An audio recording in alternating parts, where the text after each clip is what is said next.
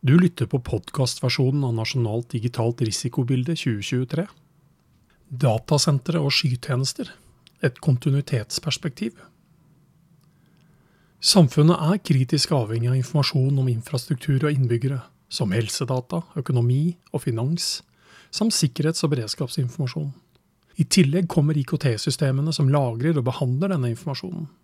Disse IKT-systemene driftes og forvaltes i ulike datasentre spredt utover hele landet, Europa og verden for øvrig.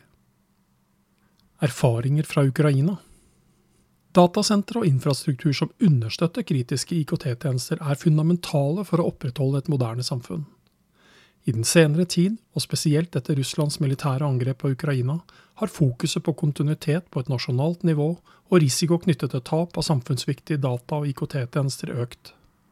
Dette kom tydelig fram i dagene før invasjonen i Ukraina.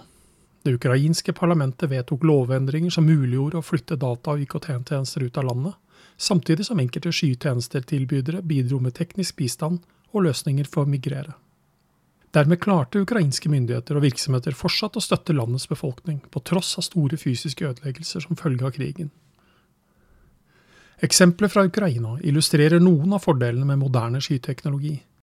Mulighetene til raskt å flytte store datamengder og dynamisk endre kapasitet for prosessering ga her kontinuitet i en svært kritisk situasjon.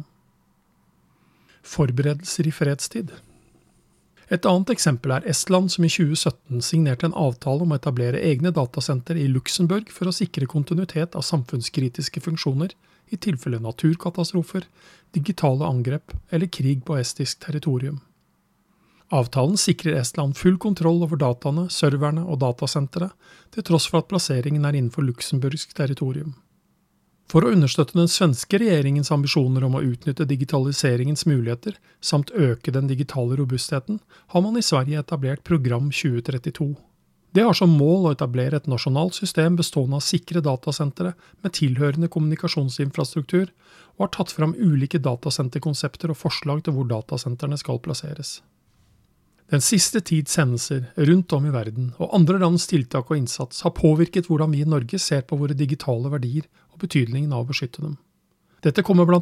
til uttrykk gjennom oppdatering av datasenterstrategien, hvor sikkerhet er tatt som et eget tema, utredningen av en nasjonal skytjeneste, datasenterveileder for kommunesektoren og regulering av datasenterbransjen, og sammen gjør dette at staten nå har flere initiativ som bidrar til å strukturere, samordne og forhåpentligvis redusere den digitale risikoen i samfunnet.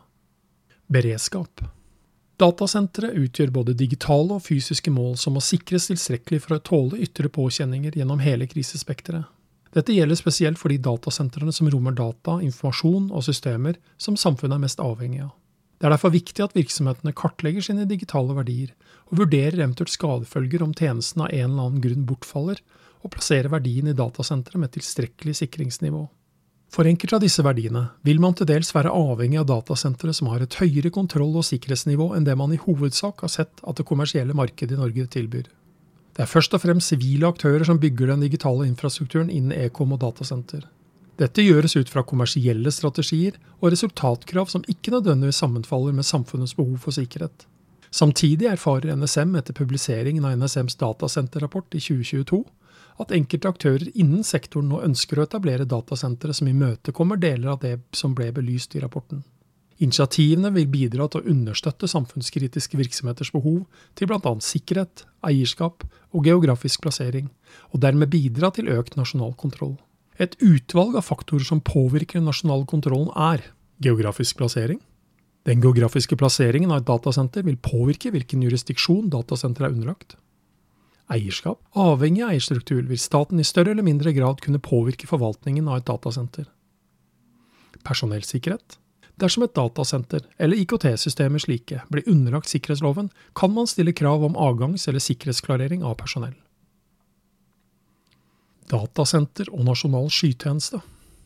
Som en del av NSMs utredning for en nasjonal skytjeneste, og i lys av den pågående krigen i Ukraina, vil et viktig beredskapstiltak være å etablere tjenesten i flere datasentre geografisk spredt i Norge. Datasentrene må ha tilstrekkelig grad av redundant infrastruktur som binder de sammen, høyt tilgjengelighetsnivå og egenskaper som sikrer nasjonal og regional autonomi i tilfelle bortfall av internett. Data og systemer må kunne migreres ut av landet uten å miste nasjonal kontroll. NSM ser verdien av å inngå bilaterale avtaler med ett eller flere land for å kunne etablere sikre og kontrollerte datasentre for strategisk viktige data. Det bør samtidig etableres arkitekturprinsipper som sikrer høy grad av portabilitet og reduserer risiko for innlåsing av informasjon og tjenester.